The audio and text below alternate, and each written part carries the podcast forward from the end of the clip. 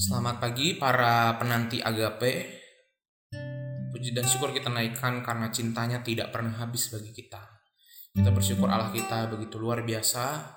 Bahkan dalam kelemahan kita, dalam dosa kita yang mungkin kita lakukan di hari-hari kemarin, dia adalah Allah yang tetap percaya bahwa kita masih bisa berubah. Kita manusia yang lemah tapi masih kita bisa berjuang menjadi sempurna semakin serupa dengan Tuhan kita. Mari kita pujikan PKJ 37 bila kurenung dosaku. PKJ 37 bila kurenung dosaku.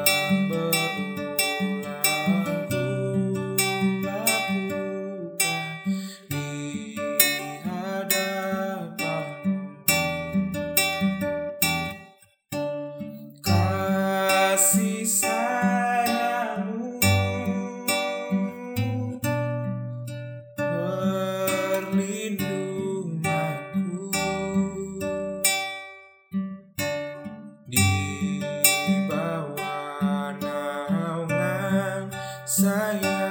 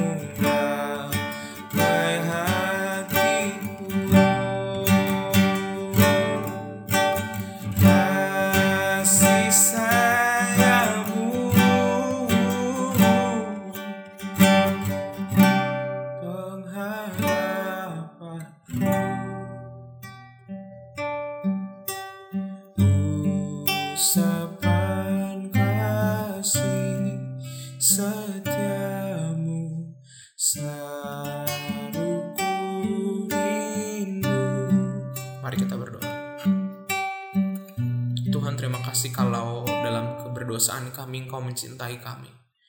Terima kasih kalau dalam kelemahan kami Engkau masih memberikan kami kesempatan lagi dan lagi.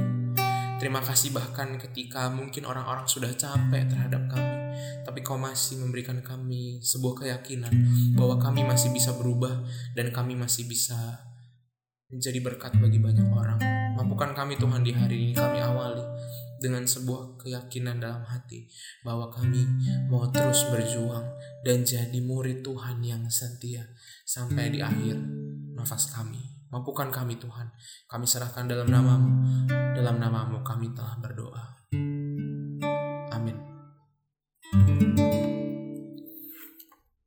Bacaan selanjutnya kita akan buka dari Yosua 19, Yosua 19 Yosua 19 ayat 49 sampai 51. Yosua 19 ayat 49 sampai 51. Yosua 19 ayat 49 sampai 51. Setelah orang Israel selesai membagikan negeri itu menjadi milik pusaka mereka menurut daerah-daerahnya, maka kepada Yosua bin Nun diberikanlah milik pusaka di tengah-tengah mereka. Sesuai dengan titah Tuhan, mereka memberikan kepadanya kota yang dimintanya, yakni Timnat Sera di pegunungan Efraim. Kota itu dibangunnya dan menetaplah ia di sana. Itulah milik pusaka yang, diper, di, yang diperundikan di antara suku-suku orang Israel di Silo oleh Imam Eleazar, oleh Yosua bin Nun dan oleh para kepala kaum keluarga di hadapan Tuhan di depan pintu kemah pertemuan. Demikianlah diselesaikan mereka pembagian negeri itu.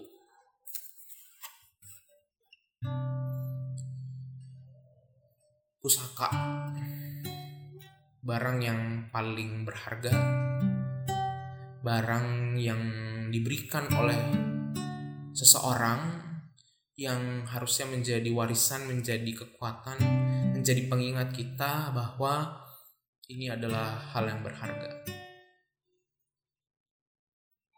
Ingatkah kita adakah benda-benda warisan yang diturunkan dari orang tua atau dari mangkong kita, opung-opung kita, nenek-nenek kita, kakek nenek, opa-opa kita? Bisa benda-benda itu berupa barang, kita dititipin misalnya cincin, kalung, atau misalnya kita dititipkan, diwariskan, mungkin ada yang dapat rumah atau tanah. Atau ada yang diwariskan, dikasih buku-buku, baju-baju, atau ada yang diwariskan memori. Ingatan bersama mereka orang-orang yang mungkin masih ada ataupun sudah tidak ada. Ketika mereka memberikan barang itu bagi kita, coba kita lihat benda-benda atau memori apa yang kita punya. Seringkali kita jadi manusia ini nggak tahu diri. Seringkali kita pikir hidup kita ini karena kita bukan karena orang-orang yang mendahului kita. Dan kalau kita lihat barang-barang warisan atau peninggalan, apa yang paling penting dari benda itu atau memori itu? Bukan berapa mahalnya, bukan berapa harganya kalau dijual, tapi yang utama adalah dalam benda ini, dalam memori ini ada orang-orang yang kita cintai. Begitu juga Tuhan ketika memberikan tanah pusaka kepada umat, Tuhan berharap umat mengerti bahwa tanah ini bukan gratis. Tanah ini hasil perjuangan para pendahulu mereka. Dan ini harus diingat, diingat barang ini dan tidak boleh dijual, tidak boleh ditukarkan karena ini adalah hal yang paling dekat yang mengingatkan umat akan kebaikan Tuhan.